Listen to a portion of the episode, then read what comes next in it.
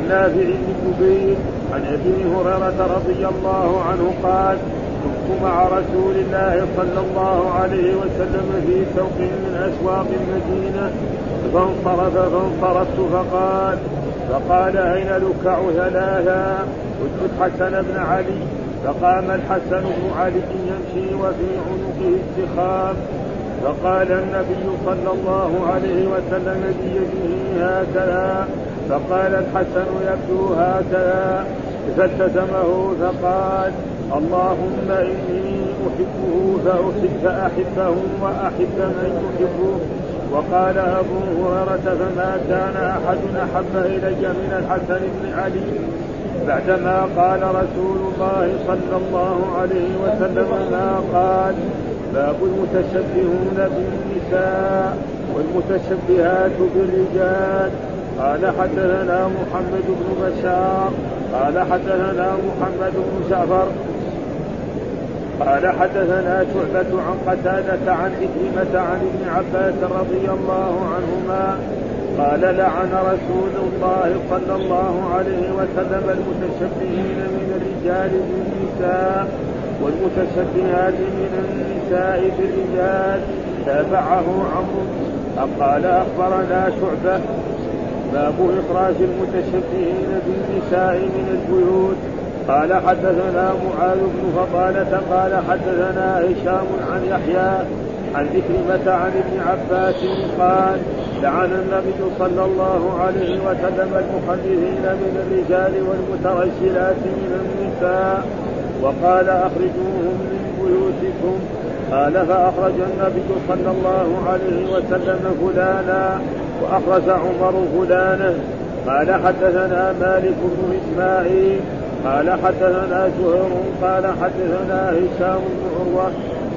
أن عروة أخبره أن زينب بنت أم سلمة أخبرته أن أم سلمة أخبرتها أن النبي صلى الله عليه وسلم كان عندها وفي بيت مخلف فقال لعبد الله أخي أم سلمة يا عبد الله إن فتح الله لكم غدا الطائف فإني أدلك على بنت غيلان فإنها تقبل بأربع وتدبر بثمان فقال النبي صلى الله عليه وسلم لا يدخلن هؤلاء عليكم.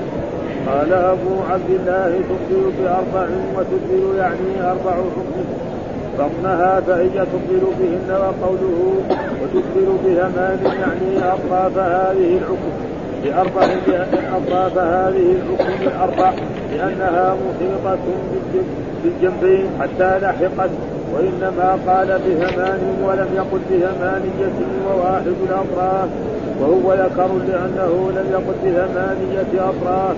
أعوذ بالله من الشيطان الرجيم بسم الله الرحمن الرحيم. الحمد لله رب العالمين والصلاة والسلام على سيدنا ونبينا محمد وعلى آله وصحبه وسلم أجمعين. باب القلائد والسخاب للنساء يعني القلادة. من طيب ومسك تقول الكام مشدد؟ القلائد ما تعلقه المرأة في حلقها. ها؟ من زينة من ذهب أو من فضة أو من أو غير ذلك. مثلا الناس القدامى الخرز ها؟ والناس الآن الأغنياء من ذهب ومن لؤلؤ وغير ذلك. ها؟ ومن جواهر يمكن. والصخاب كذلك هي نفسها. ها؟ فلذلك صار يعني قلادة. فالقلائد والصخاب يعني شيء واحد. وهو ما تعلقه المرأة في حلقها للتزين بها لزوجها وللنساء من طيب.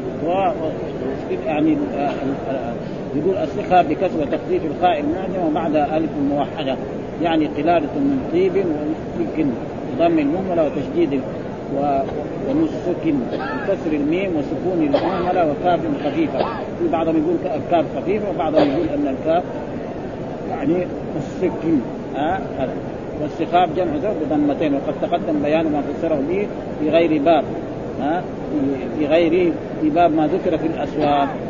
فهو يعني قلادة تتقلبها المرأة ويعني وهذا فيه دليل على أن للمرأة أن تتخذ قلادة هذه تتزين بها لزوجها أو الذي يريد أن يخطبها إن ذلك جائز وهذا للنساء. وهل الرجال كذلك لهم أن يعني يتخذوا هذا؟ الجواب لا. ها؟ إلا إذا كان صغيرا طفل صغير ولد فلا بأس أن يقلده اهله مثلا شيء. كما يأتي في الحديث أن الحسن بن علي كان صغير وكان يعني قلدته امه فاطمة قلادة. هذا يمكن. إذا كان صغير والصغير غير مكلف. فإذا صار مميز فأحسن ترك هذه الأشياء. فإذا كان مثلا عمره سنة سنتين وقلد فلا بأس. لكن لو يصير عمره سبع سنوات ثمانية سنوات يقلد فيصير يشبه النساء يعني. يمكن هذا وكان الحسن صغير ها؟ لأن الحسن تقريبا ولد يمكن في السنة الثانية أو السنة الثالثة فصغير يعني. هذا ثم يقول إيش الحديث المرفوع؟ قال حدثنا محمد بن عرعرة حدثنا شعبة عن عدي بن ثابت عن سعيد بن جبير عن ابن عباس قال خرج النبي يوم العيد فصلى ركعتين لم يصلي قبل ولا بعد. ها؟ وهذا هو السنة. صلاة عيد الفطر أو عيد الأضحى تكون أول الصلاة ثم بعد ذلك الخطبة. هذا هو السنة التي سار عليها رسول الله صلى الله عليه وسلم وأصحابه من بعده الخلفاء الأربعة. ثم جاء بعد ذلك الأمويون. ها؟ لما استولوا الخلافة صار الناس لا يستمعون لخطبهم لأنهم كانوا يسبون علي بن أبي طالب على المنابر ها؟ فلما كانوا يسبون على الناس يصلون معهم العيد ثم يخرجون. ولا أحد يستمع لهم إلا العسكر حقهم والزبرت حقهم والقدم حقهم والناس يخرجون فراحوا ساووا ابتدعوا بدعة وهو أن قدموا خطبة العيد. وهذا يكون عليهم ذنبه عليهم. فلا يجوز هذا. أما الجمعة لا بالعكس. الخطبة أول ثم بعد ذلك. وهذه تشريع من رسول الله صلى الله عليه وسلم. ليس لأحد أن يغير أو يبدل. ها عليكم بسنتي وسنة الخلفاء الراشدين فصلى ركعة. لم يصلي قبل ولا بعد. لماذا؟ لأن صلاة العيد كانت في الصحراء ها في الصحراء. فالرسول يجي بعد ما تطلع الشمس. حالا يصلي. فإذا صلى ما في ما في يعني تحية المسجد لأنه ما هو مسجد. نعم. ثم إذا انتهى من صلاة العيد خرج عاد إلى بيته. فهذا هو لكن لو فرض مثل الآن في عصرنا هذا الآن تصلى العيد في المساجد.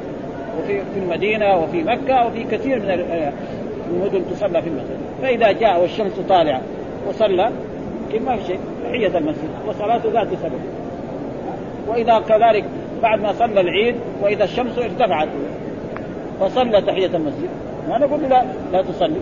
وبعد يصلي الضحى. ها؟ ها؟ صلى الضحى. ما في شيء. ها؟ أما الرسول كان صلاة العيد كانت في الصحراء ها؟ وهناك ليس مسجد ها والرسول قال إذا دخل أحد المسجد فلا يجلس حتى يصلي ركعتين. فلذلك ها ثم بعد ما خطب النساء يعني خطب الرجال معلوم انه في ذلك الوقت ما كان يعني مكبرات الصوت. الآن الحمد لله مكبرات الصوت يسمع الرجال ويسمع النساء ويسمع العالم كمان. ها هذا فضل من الله سبحانه. لا شيء فلسفة واحد طالب علم يابس كذا يقول هذا بدعة وكلام. لا هذا كمان تمتع المقصود سماع الخطبة وقد حصل ذلك لرسول الله صلى الله عليه وسلم في منى. فإن رسول الله صلى الله عليه وسلم خطب في منى خطبة سمعها كل الناس. هذا هذا معجز. كل واحد جالس في خيمته يسمعها كلمة كلمة.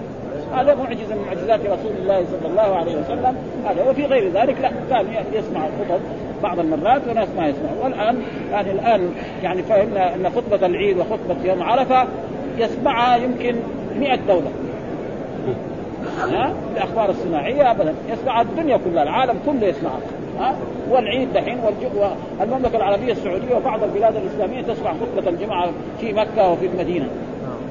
وهذا كله نعم من نعم الله. فلا يتنطع إنسان يقول لا هذا ما يجوز وانه ما كان. البدعة تكون في الدين، إيش المقصود؟ سماع الخطبة. خلاص. هذا هو. بدل ما يسمعها 100 نفر يسمعها آلاف. ف... هذا. فجعلت ثم أتى النساء يعني وعظهن ها؟ فأمرهن بالصدقة فجعلت المرأة تصدق بخرصها وسخابها. وهذا محل الشاهد. يعني الحديث فيه لأنه العيد نحن ما ندخل فيه. يعني نحن نقرأ كتاب اللباس. العيد إيش دخلوا؟ ما لكن الحديث كذا. فلازم يصير محل الشاهد الذي سيق الحديث ها؟ فجعلت المرأة تصدق بخرصها نعم بخرصها وسخابها. الخرص ما يوضع في إيه؟ في الأذن. المرأة لا وتعلق نعم يعني حلق. هذا الحلق وسخابها القلادة. ثم هذا فيه دليل على أن المرأة تملك. يعني نقدر نأخذ من هذا حكم شرعي أن المرأة تملك، فالمرأة إذا كان عندها وتتصدق ما يحتاج تشاور زوجها. تشاور ابو حقها ملكها. فإذا تصدق في شيء معقول لا يمنع لا زوجها ولا أبوها أما إذا راح تصدقت كل المال هذا يمكن له أن يمنعها. ها؟ فلذلك ما استأذنت زوجها ولا استأذنت رسول الله صلى الله عليه وسلم ولا استأذنت أي أحد وصارت تخرج وترمي. والسبب في ذلك أن الرسول في مرة من المرات خطبهن وقال إني رأيتكن رأيت الجنة والنار ورأيت أكثر أهل النار النساء. فقالت امرأة لماذا يا رسول الله؟ قال لأنه كنا تكفرنا لماذا؟ قال تكفرن العشير. لو أحسنت إلى احدهم الدهر كلها ثم رأت منك شيئا قالت ما رأيت خيرا منك قط فلذلك كان يتصدقن النساء وهذا يخالف يعني نظام الدول الغربية. فالمرأة في الغرب ليس لها أن تتصدق بمالها أو تتصرف في مالها اذا تزوجت ها؟ الإسلام لا. لها أن تتصرف. ها؟ هناك في الغرب لها أن تتصرف في عرضها. واحد عنده بنت ولا عنده زوجته وصادق الناس الشياطين. ما يقدر يمنعها زوجها بالنظام أو بالقانون. يقول يقول لي يقول الحاكم هذه زوجتي لا تمشي مع محمد. ما مع فلان المسلم فلان. ما, يقدر. يروح مع الشياطين كلهم ولا يقدر يمنعها. ابدا. يبغى كذا أهلا وسهلا. ما يبغى كذا يفترق الإسلام لا. ها؟ نعم ما لا تتصرف. عرضها لا. ابدا. ها؟ ما في نظام مثل الإسلام ابدا. ها ولذلك ومحل الشاهد الذي جعلت المرأة تصدق به يعني تتصدق في تائين ها وما بتائين تصل فيها على تاء تصدق تلظت أكل بخرصها وسخابها. وهذا في دليل على أن المرأة لها تملك ها وأنها تتصرف في مالها بالمعقول وليس لأحد أن يمنع هذا من حديث قدم لنا في كتاب في صلاة العيد والآن زاد زاد جعل تصدق بخرصها وهذا.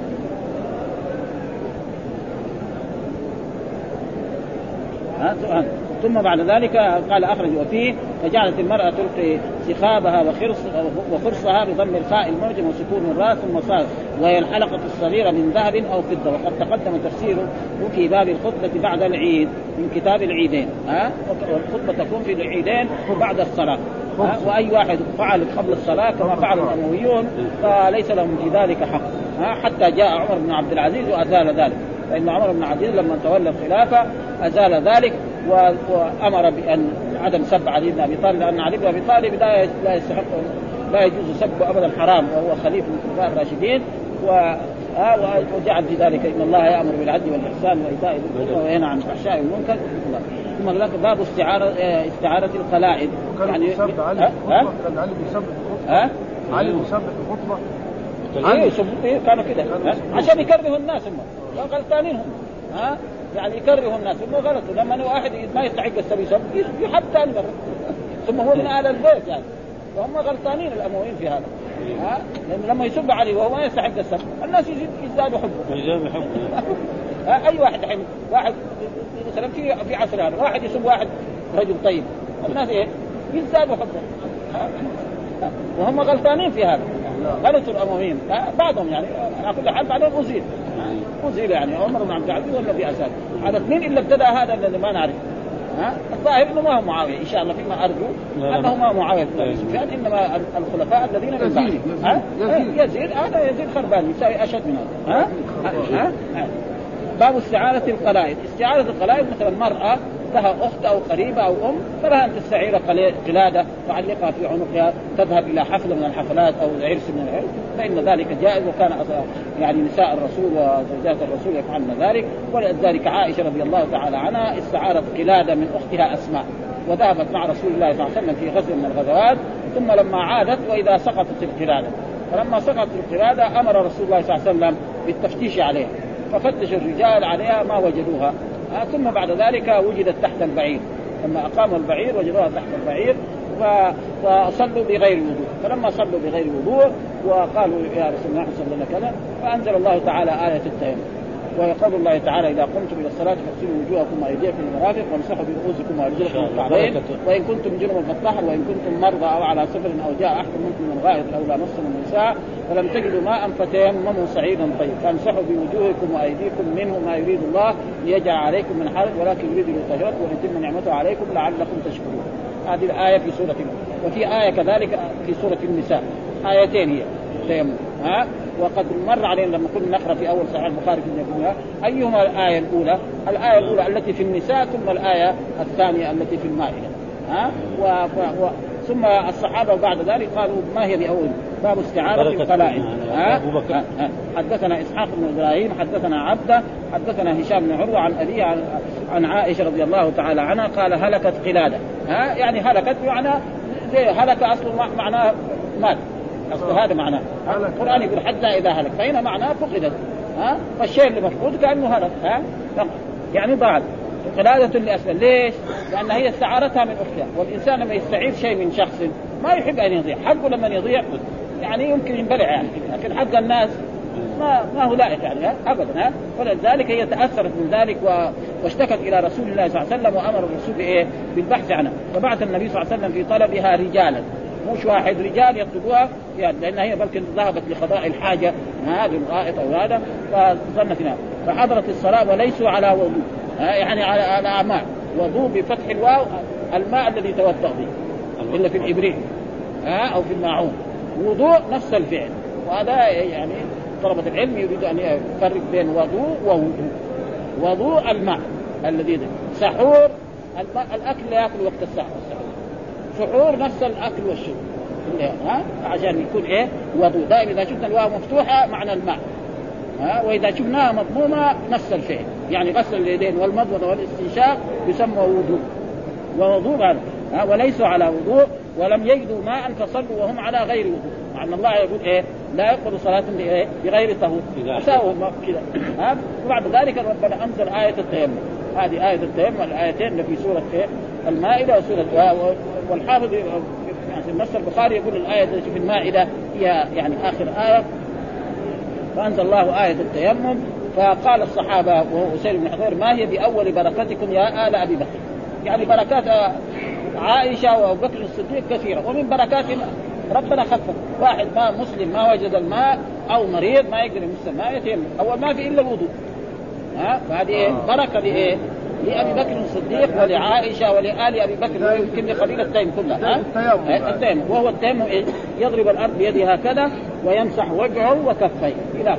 هذا هذا أصح شيء ها وهناك من العلماء من يرى في أحاديث إنه يضرب أرض كذا بيده ويمسح وجهه وكفيه إلى اليدين. المرفقين ها ولكن هذا فيه ضعف شوي الصحيح اللي موجود في البخاري وفي مسلم وفي غيرها أنه وقد حصل ذلك لعمار بن ياسر فإن عمار بن ياسر وعمر بن الخطاب أرسلهم الرسول في حاجة من الحاجات ف... فأجنب. أجنب يعني إيه؟ احتلم؟ لأنه ما عندهم زوجات ما في شك. ها؟ ومعلوم أن الرجل يحتلم. ها؟ والمرأة كذلك تحتلم. احتلم فلما احتلم أما عمار فتدرمغ في الصعيد. تراب كده زي ما المعنى كده كده وصلى. عمر لم يصلي. فجاء إلى الرسول فقال يا رسول الله نحن فعلنا كذا وكذا. فقال الرسول إنما يكفيك أن تقول بيديك هكذا. كذا الرسول قال إنما يكفيك أن تقول بي يعني تفعل. قال بمعنى إيه؟ اصله قال باللسان. هنا لا تقول بمعنى إيه؟ تضرب الأرض بيده ومسح وجهه وكفيه إلى. هناك في حديث مسح إيه؟ يديه إلى إلى وهو يعني فيه ضعف شوية. يعني موجود في السنن أو في كلام يعني كان مر علينا في بلوغ المرام. ها؟ لا يوجد. ها؟ فلذلك قال فأنزل الله آية التيمم. نعم. تيمم من الجنابه نفس التيمم أي نفس هذا نفس هذا التيمم. نفسه نفسه يضرب الوجه يمسح هذا كفه وجهه. ما في يعني فرق فعمار ساوى هذا اجتهاد منه. كان اجتهاد غلط علمه الرسول. تقول بيديك هكذا وضرب الرسول بيد الأرض ومسح كفه ووجهه وظاهر كفيه. يعني إلى هنا بس. ها؟ وهناك في رواية إلى ولكن هذا ضعيف. ها؟ وهذا تقدم في كتاب التيمم. دحين جايب لنا هو البخاري هنا لأجل إيه؟ لاجل مسألة إيه؟ استعاره القلم ما شاء الله هذا هناك دحين ذكر هناك في التيمم وجايب هنا ليش؟ عشان يعني يبين لنا أن الاستعارة جائز استعارة القلائد وهذا هذا هذا اللي ها باب استعارة اللي إلا التيمم ما لنا دخل به. هذا دحين يعني في غير ها؟ حتى يدل إيه على أن ال- ال- الله ولذلك قال وقد تقدم شرح مصطفى في كتاب الطهارة وفي بيان القلائد المذكورة ممن. آه، وفي بيان القلائد المذكورة ممن كانت. وقوله زاد ابن نمير عن هشام يعني بسنده المذكور أنها استعارت من أسماء بنت أبي بكر القلادة المذكورة وقد وصل المؤلف رحمه في كتاب الطهارة من طريق. ثم قال باب القرط للنساء. القرط ما, ما يوضع في إيه؟ في أذن النساء. ها؟ زي ما نسميه الآن في عصرنا يسمونه حلب ها؟ أو غير ذلك. ها؟ ها, إيه،. بس هو وبضم ال- ال- اللغة العربية بالضم. بالضم يعني يشكلوا بإيه؟ بالضم. يعني هذا عامي لفظ عام. وإلا العربي القرط. ها؟ ها؟ باب القرط للنساء. فإذا المرأة لها إيه؟ أن تشتري يعني رجل أو زوج أو مثلا ام تشتري لبنتها ولزوجته القرط متعلق بالنساء. أما الأولاد الذكور فالظاهر أنه لا يصح لهم ذلك إلا إذا كانوا صغار كما سيأتي في الحديث اللي قال ابن عباس أمرهن النبي بالصدقة. ها؟ وهذا الحديث يعني الآن علق الإمام البخاري لأن البخاري ما أدرك ابن عباس. ها؟ فهنا ساوى تعليق. إيش التعليق؟ معناه حذف السند. مين اللي حدث البخاري؟ هذا حذفه كله وجاب ابن عباس. فهذا يسمى تعليق بالنسبة إلى مصطلح الحديث أمرهن يعني أمر الرسول صلى الله عليه وسلم النساء لما خطبهن بعد صلاه العيد بالصدقه فرأيتهن فرأهن ابن عباس يهوين إلى آذانهن وحلوقهن. آذانهن تخرج الحلق وحلوقهن تنزل وترميه إيه؟ في ثوب إيه؟ في بلال. ها؟ وهذا يمكن واحد يقول طيب كيف يعني يعني بلال يقعد ينظر إلى النساء؟ آه. إنه القرآن أمر إيه؟ أن المرأة تحتجب. اذا هذا ما يلزم. تكون المراه محتجبة. ولما تحرك نفسها تبان يعني ليس هن كاشفات. لا.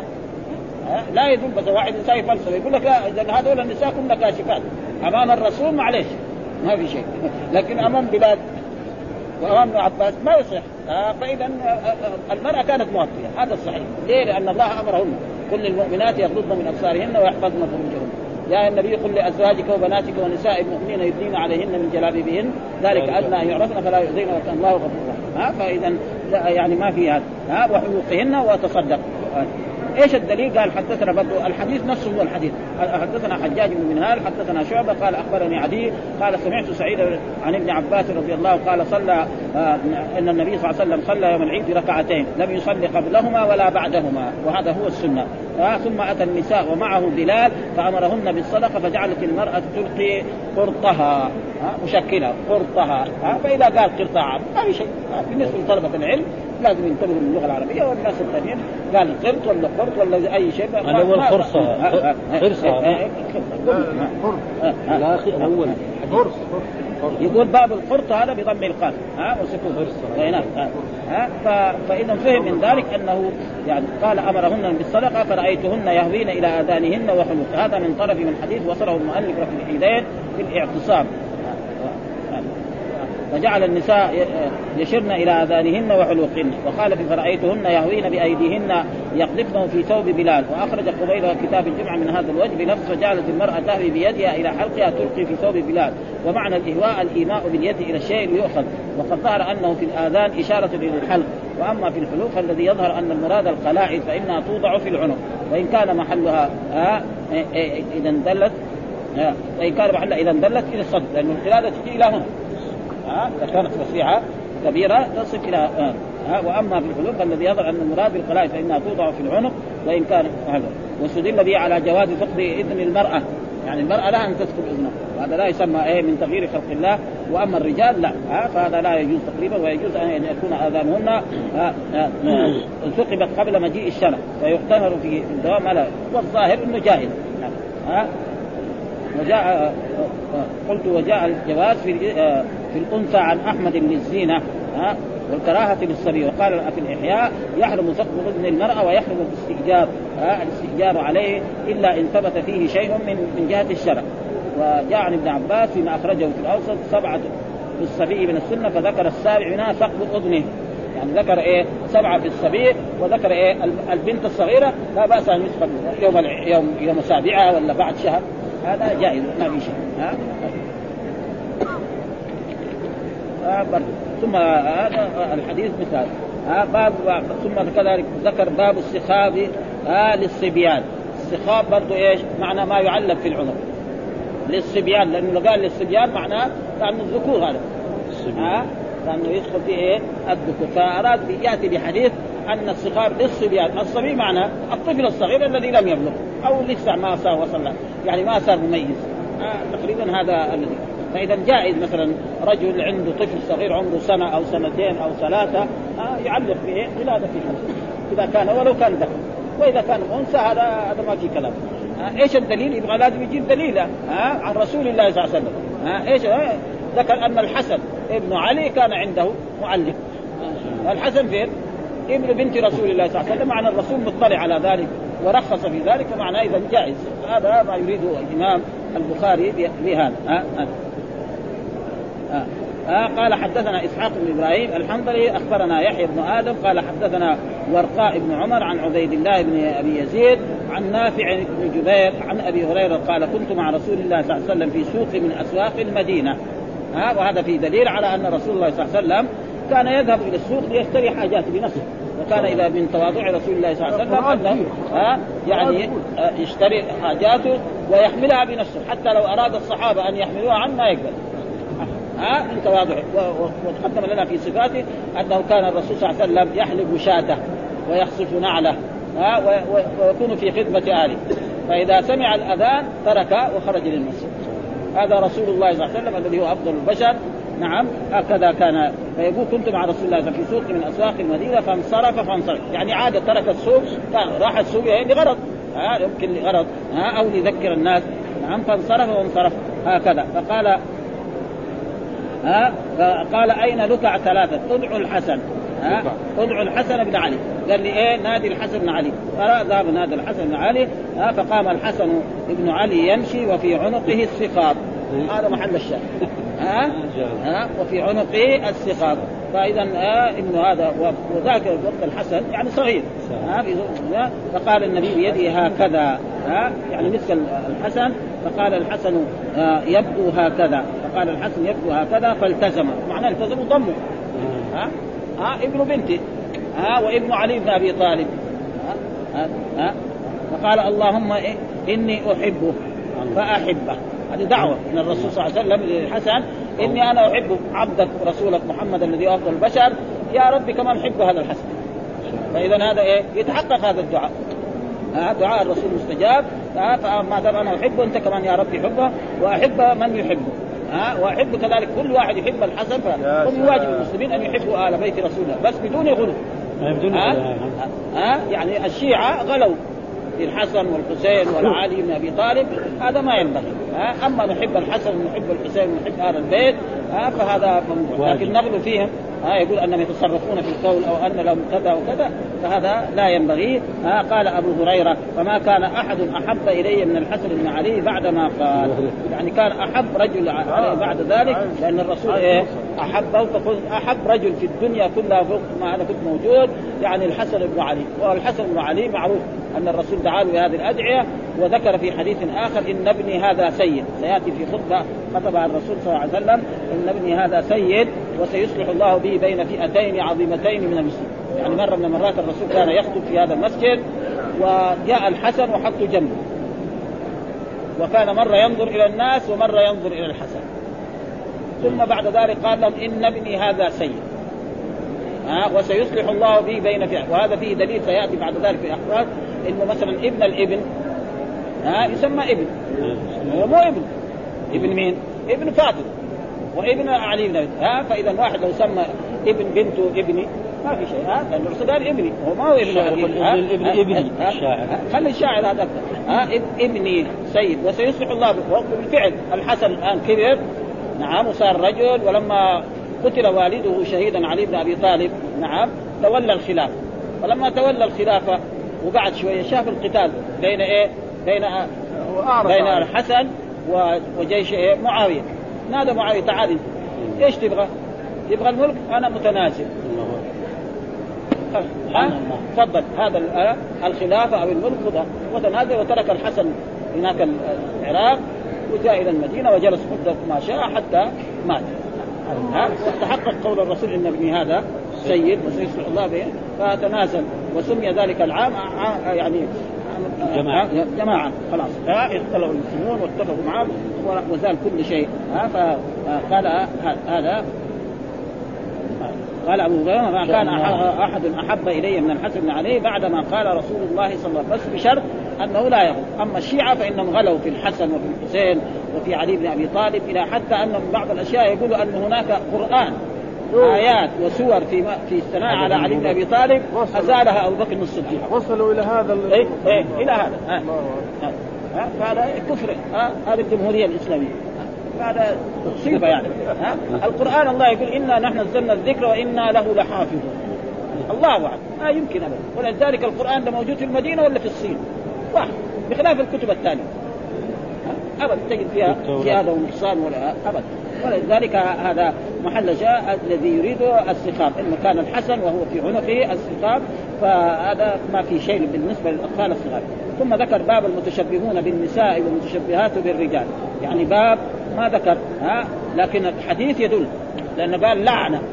اذا حرام. رجل يتشبه بالنساء اما في الكلام أو في اللباس فهذا كذلك مرأة تتشبه بالرجال. ها؟ فهذا ما يصح. وأي واحد يفعل ذلك فهو إيه؟ حرام. ها؟ ليه؟ لأن الرسول لعن والرسول لا يلعن إلا على شيء إيه؟ حرام؟ أسمع يا الاخ ها؟ الرسول لا يلعن إلا على شيء إيه؟ محرم. ها؟ لأنه كبيره من كبائر الذنوب. فقال باب المتشبهون بالنساء. رجال يتشبهوا بالنساء في الكلام في اللبس ها؟ في المشي. ها؟ هذا تقريبا حرام. والمتشبهات مرأة كذلك تشبه بالرجال في الكلام في النطق ها تفخم كلامها وصوتها أو تعمل لها لباس زي الرجال ها تسوي لها لفة كمان كذا ها ما فما ينبغي لها ومرأة يلبس أشياء يعني فهذا تقريبا ليه؟ قال إيش الدليل؟ قال حدثنا محمد بن بشار حدثنا محمد بن جعفر حدثنا شعبة عن قتادة عن عكرمة عن ابن عباس لعن رسول الله صلى الله عليه وسلم المتشبهين من الرجال بالنساء والمتشبهات من النساء بالرجال وهذا دليل على أنه حرام ها لأن كيف كيف نعرف الذنب الكبير من الذنب الصغير؟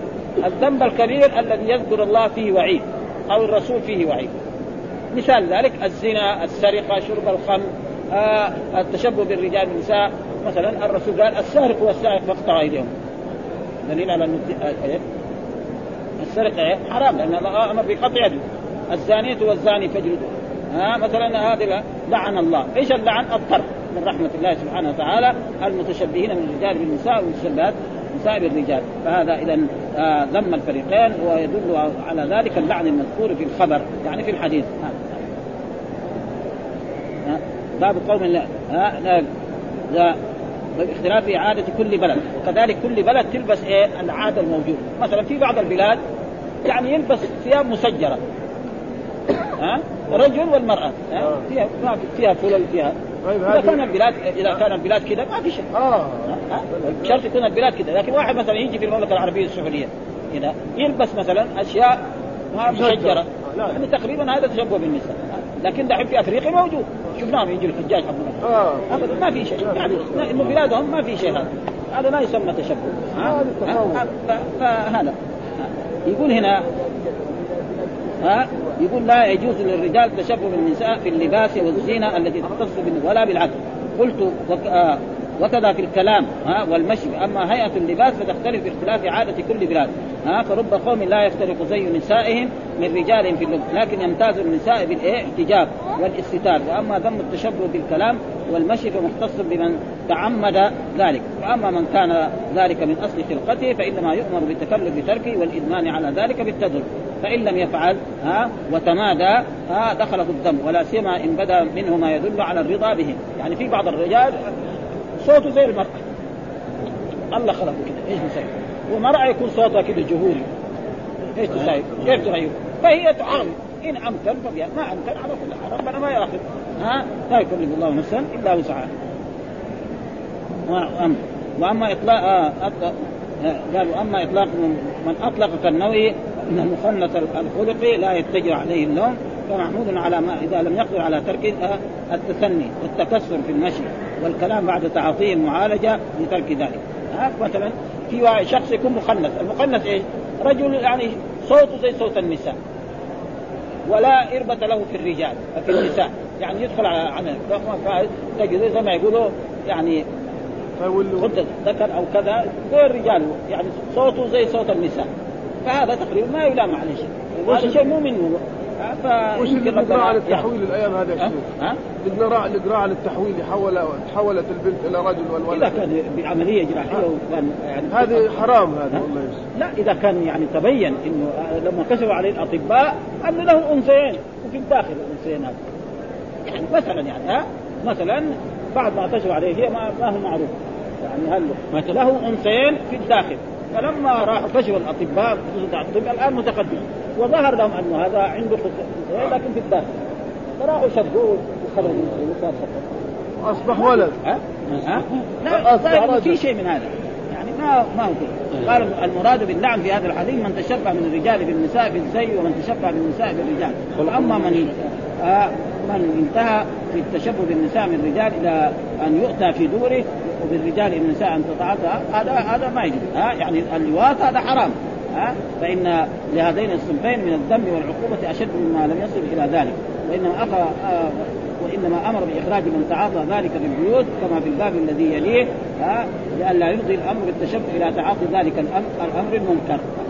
ثم ذكر باب إخراج المتشبهين بالنساء من البيوت. ها؟ يعني في بعض الناس تجد مثلا شكله يشبه المرأة في الوجه وفي السماء كمان. ها؟ و...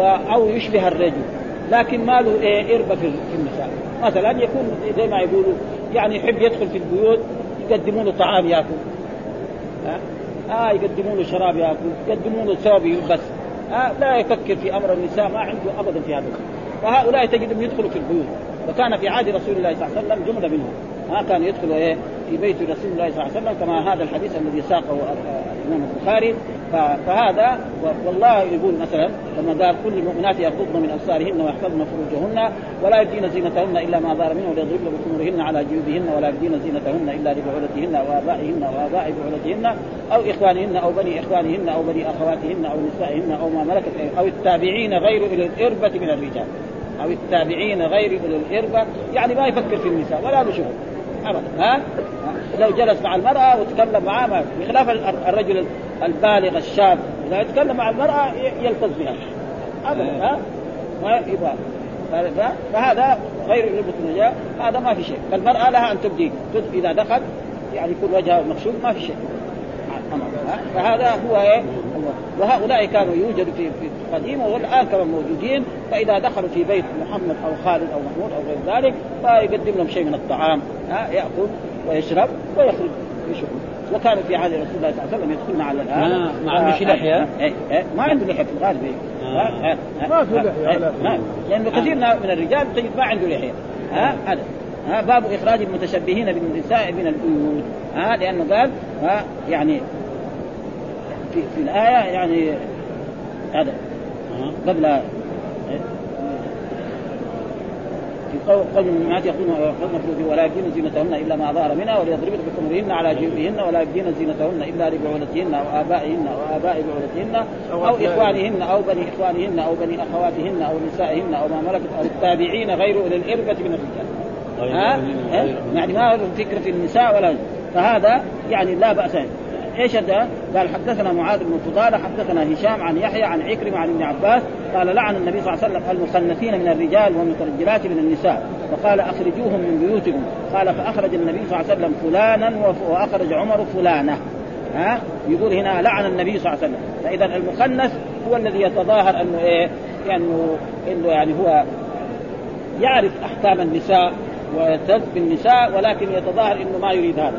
وإذا فتشت عليه يجي كما يأتي في الحديث الثاني الذي بعده رتب الإمام البخاري ان أن يعني رجل مخنث كان يدخل على بيت رسول الله صلى الله عليه وسلم وقال لأخي أم سلمة إن فتح الله عليكم الطائف أنا فانا أدلك على بنت غيلان. بنت غيلان مرأة جميلة حلوة يصير تروح تخطبها ولا تتزوجها ولا تصير أمتك إيه تتزوجها، معناها هذا إيه؟ يعرف عن النساء، بنت غيلان هذه يعرفها أنها مرأة جميلة وحلوة وأن... ثم قال له إيه؟ تقبل بأربع وتدبر بثمان. معناه إنه إيه؟ عنده فكرة عن النساء. هذه المرأة لما تقبل عليك بأربع أشياء زينة فيها وإذا أدبرت تدبر بثمانية هذا ما هو مخنث عارف هذا مو يبغى أكل يبغى يبغى النساء هذا ها؟ فالرسول إيه قال أخرجوا هذا ثاني مرة لا يدخل عليكم وهذا موجود يعني يوجد مثل هذه الأشياء فلذلك قال فأخرج النبي فلانا. يعني رجل متظاهر أنه إيه؟ أنه مخنث من الرجال يدخل لاجل ياكل وأخرج عمر فلانه ها هي في الحقيقة يعني تتخنث تدخل على الرجال تقريبا وتجلس معهم وهي تقريبا يعني في فيها. والحديث الثاني هو الذي يبين. قال حدثنا مالك بن إسماعيل حدثنا زهير حدثنا هشام بن عروة ان أن عروة أخبر أن زينب بنت أم سلمة. ها عروة عروة هذا تابعي وزينب هذه صحابي بنت ام أخبرت أن أم سلمة من أزواج النبي صلى الله عليه وسلم من أمهات المؤمنين أن النبي صلى الله عليه وسلم كان عندها في كان عنده وفي البيت مخنث. كان الرسول عند أم سلمة وهي من أزواجه نعم من أمهات المؤمنين مخنث، المخنث الذي يدخل إلى البيت لأجل إيه؟ يطعموه هذا أصل ثاني ها؟ فقال لعبد الله أخي أم سلمة. قال لعبد الله أخي أم سلمة يا عبد الله إن فتح الله عليكم غدا الطائف يعني في المستقبل فإني أدلك على بنت غيلان. تجد في الطائف يعني آه، بنت غيلان فإنها تقبل بأربع وتدبر بثمان إذا أقبلت عليك تدبر عليك بأربع أشياء جميلة. وهذه الأربع أشياء ذكرها الحافظ يعني والظاهر أول ما يكون لما تدخل المرأة يعني نهوضها. وعكنها يعني هنا البطن هنا يكون مرتفع كذا ها وشوف إيش لا لا لا يدخل. قال أبو عبد الله تقبل بأربع يعني وتدبر بأربع يعني عكن بطنها. مثلا المرأة لما تكون كذا تكون بطنها من هنا شوية هذا ومن هنا فوق يعني مرتفع شوية. هذا. ويمكن النهوض يعني. أعظم شيء في المرأة هو إيه؟ ثدييها هذا. فإذا كانت صغيرة بكذا هذا أول شيء يعني هذا أجمل ما يكون؟ ثم وجهها وعيونها وخدودها كل هذه كلها أشياء يعني دحين أصبحت فيها شيء من الجمال ها؟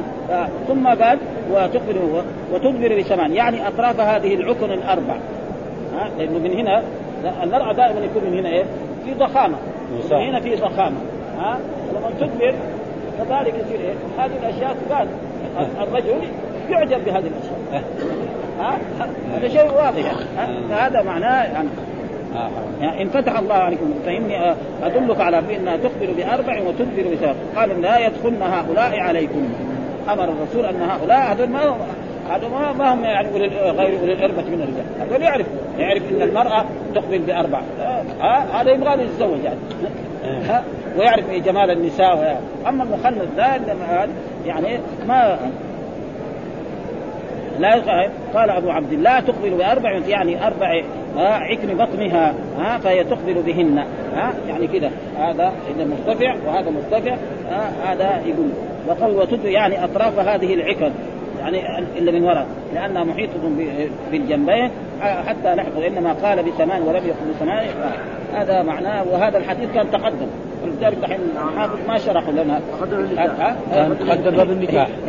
هنا هذا ها؟ ما شاء الله. نعم. هذا يعني سوى غيره يصير إيه؟ البخاري يعني يصير أجزاء كثير. ها؟